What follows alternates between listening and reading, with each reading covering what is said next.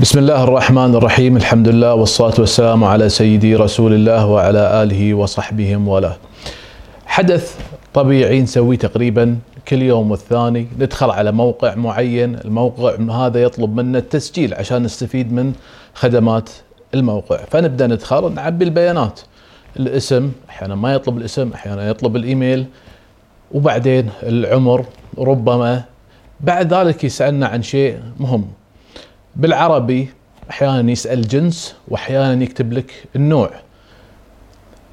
وإذا كان بالإنجليزي فراح يطلب منك غالبا 99.99% جندر ما راح يسأل عن سكس جندر هذه اللي إحنا الكلمة اللي نترجمها بمعنى نوع وإن كانت هذه ليست ترجمة دقيقة. الترجمه الدقيقة غالبا تكون النوع الاجتماعي.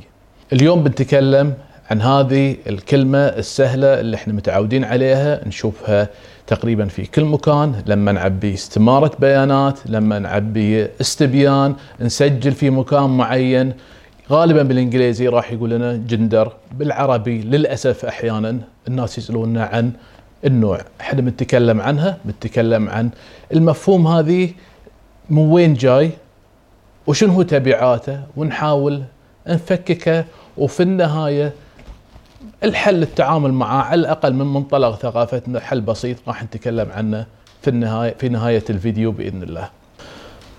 منذ أن خلق الله الأرض ومن عليها هناك جنسان ذكر وأنثى والمجتمع يعلم الفرد شلون يتصرف حسب الجنس ماله فنعلم الذكر يلبس بطريقة معينة يتكلم بطريقة معينة يصاحب ناس معينين والأنثى كذلك تلعب ألعاب معينة تظهر بمظهر معين. وهذا يختلف حسب المكان والزمان. في عصرنا هذا في ملابس للذكور وملابس للإناث ويبدأ الفصل بينهم غالبا من الولادة مع استخدام الألوان الأزرق الفاتح ولا الوردي الفاتح.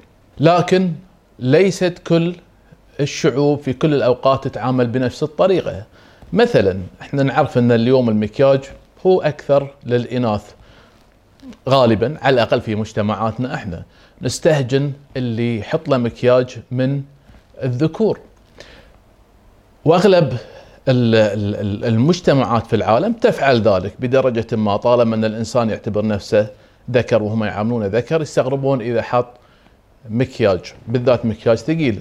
لكن في قبل 200 أو 300 سنة مثلا في أوروبا كانت الموضة إن الريايل يلبسون آه، آه، بنطلونات ضيقة ويحطون مكياج ثقيل جدا بودرة كثيفة على الوجه مع حمرة واحيانا يلبسون باروكة بيضة. هذه كانت الموضة وكانوا يطلعون بهذه الطريقة في الحفلات الرسمية لكن في النهاية هم يعتبرون ذكور ويتصرفون وفق معايير الذكورة في مكانهم ذي في عصرهم ذي.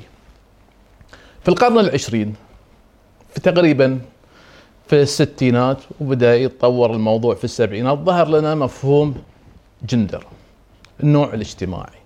الفكرة اللي طلعت مع هذا المفهوم إنه صح في شيء اسمه جنس وهو مرتبط بالوراثة بالعوامل البيولوجية بالجينات وهذا شيء واضح. لكن اللي أهم منه شيء يسموه جندر نوع نوع اجتماعي. هذا لا يولد مع الفرد حسب مفهومهم. هذا هنا يبيك تنتبه هذا لا يولد مع الفرد لكن المجتمع هو اللي يخلي الفرد يكون وحطوا مليون خط تحت كلمة يكون ذكر أو أنثى. يعني مو بيعلمه شلون يتصرف كذكر أو أنثى لكن يخليه يكون ذكر وأنثى. فصار في فصل بين مفهوم الذكورة والأنوثة والناحية الجنسية. صارت ال ال صار ال ال كما ما يولد الذكر وعلاماته البيولوجية ليست مهمة حسب الناس اللي مهتمين بالموضوع ذي واللي نشروا المفهوم ذي. لكن المهم شلون المجتمع ينشئ الإنسان إنه هو يكون ذكر أو أنثى. لما نقول يكون ذكر أو أنثى صار المفهوم ليس مفهوم ثابت. إحنا طول عمرنا نعرف الذكر يولد ذكر والأنثى تولد أنثى.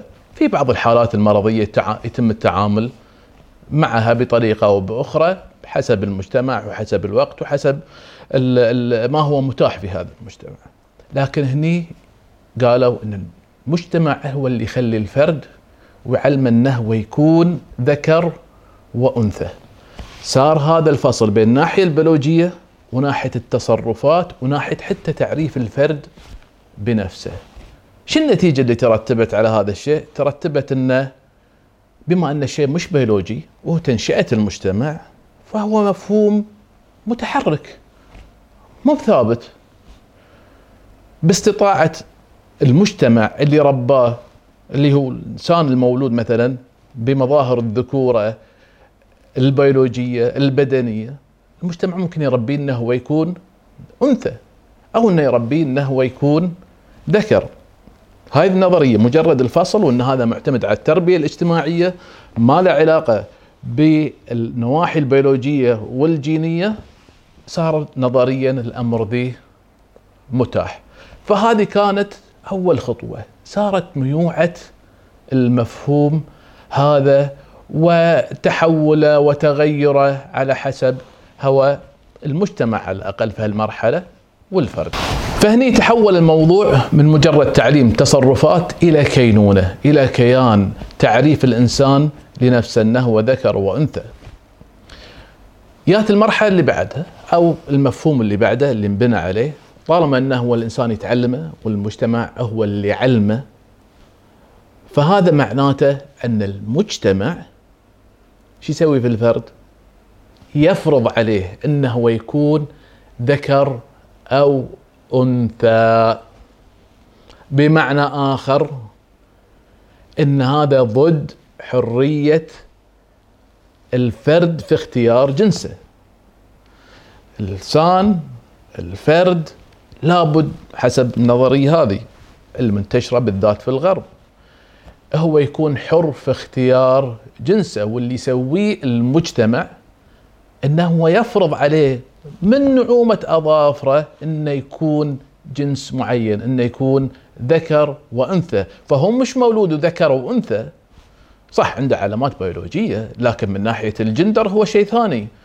هو يولد وبعدين المجتمع يقول له أنت ألبس أزرق وأنت ألعب في السيارات وأنت ألعب بالكورة زين وأنت لازم تعجب بالنساء. ولازم تتكلم بخشونة ولازم تلعب ألعاب عنيفة فتكون ذكر. تكون ذكر. مرة ثانية تكون. أو أنت تلبسين وردي من صغرك وبعدين تطولين شعرك وتهتمين بمظهرك وبعدين آآ آآ لازم تحبين ذكر تتزوجين ذكر. ولا بد أن تتعلمين تلعبين بالألعاب وانت وانت صغيرة. وبذلك تكونين أنثى. طيب في الناس اللي يقولون الفرد هو اللي لازم يقرر. هني صار المجتمع وهذه المرحلة اللي بعدها. المجتمع صار ينتهك حرية الفرد في اختيار نفسه. يفرض عليه معايير تخليه في النهاية يكون ذكر أو أنثى. فلا بد من تعديل هذا الخطأ في المجتمع.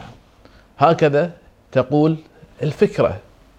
فبعد ما تنفصل مفهوم النوع أو الجندر عن الجنس البيولوجي وقالوا إن هذا مفهوم مختلف ومنفصل وإن المجتمع هو اللي يحدد منه الذكر ومنه الأنثى. الخطوة اللي بعدها صارت إذا إحنا أسلمنا بكل هذا إن المجتمع قاعد يظلم الفرد ويفرض عليه إنه يكون ذكر أو أنثى بطريقة معينة. وبالتالي إذا كنا إحنا من أنصار حرية الفرد وحريته في اتخاذ قراراته وتقرير من يكون فلا بد إحنا نصلح هذا الخلل وعدم التوازن اللي أوجده المجتمع انه فرض على ناس معينين إنهم يكونون ذكور وفرض على ناس آخرين إنهم يكونون إناث. لابد إن إحنا لما نمسك الفرد ونتعامل معاه من صغره نعطيه فرصة متكافئة إنه هو يقرر يكون ذكر أو أنثى. بمعنى أني لو كنت والعياذ بالله من أنصار هاي الاتجاهات فمعناته أنا لازم أساعد الطفل اللي يتعامل معه سواء كان واحد من عيالي سواء كان طفل أنا مشرف عليه في المجتمع لازم أخليه يجرب. يجرب يكون ذكر يجرب يكون أنثى. فلازم ألبسه شوية لبسه ملابس الذكور شوية لبسه ملابس لا ملابس الإناث شوية علمه شلون يلعب مع الدمى وشلون يلعب مع السيارات أو الكورة مثلا وهكذا. فنوصل لمرحلة إن إحنا نعطي الطفل هذا الصغير إنه هو يكتشف من يكون ويقرر من يكون واحيانا لا ما يبي يقرر خله كذي. بعدين بيفكر بيغير. بعد عشرة عشرين سنة قرر إنه هو يغير. مو مشكلة لأن هذا المفهوم مثل ما قلنا في البداية مفهوم صار في ميوعة في سيولة غير محدد.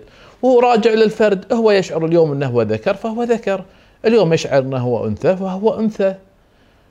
بكرة يشعر أنه هو لا ذكر ولا أنثى. مو مشكلة.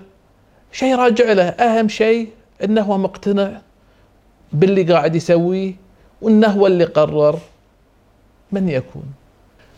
ما راح ندخل في التفاصيل وايد والأشياء المترتبة على مثل هذا التفكير. ربما شاهدنا جزء منها ربما بإستطاعتكم إنك تستكشفون جزء مما حصل في بعض المجتمعات بالذات المجتمعات الغربية. باستطاعتكم أنتم تتخيلون أو لا تتخيلون أين ممكن أن تصل هذه الأمور. هذا كله جاي لأن إحنا سلمنا بصحة لفظة ومفهوم.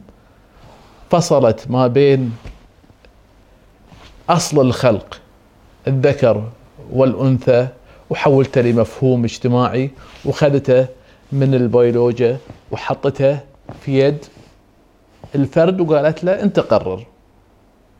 أنت قرر من تكون ولا بد أن المجتمع يكون محايد بهذه الطريقة. طيب إحنا شلون نتعامل؟ إذا إحنا ناس مسلمين مؤمنين أو عندنا حتى ثقافة معينة نبي ندافع عنها نبي نحتفظ فيها ونؤمن إن هذا الكلام غير صحيح. الأمور بسيطة. يا أخي إذا أنت مسؤول أنت مو مسؤول أنت إنسان عادي موظف قاعد تصمم استبانة قاعد تصمم فورمة ابدا لا تستخدم كلمة نوع. لأنك لما تستخدم كلمة نوع كأنك تؤمن بكل هالكلام. استخدم كلمة جنس. جنس ذكر وأنثى. فقط لا غير. أنا أدري يمكن بتقولون لي أغلب الناس يستخدمونها متعودين عليها. صحيح. وايد أشياء إحنا نتعود عليها ونظن ان هي سهلة ولا يجي في بالنا كل هال هالليلة اللي أنا تكلمت فيها عنها. لكن خلونا نلتزم باللفظة الصحيحة اللي فعلا تعبر عن عما نؤمن فيه ونعتقده وثقافتنا. والسلام عليكم ورحمة الله وبركاته.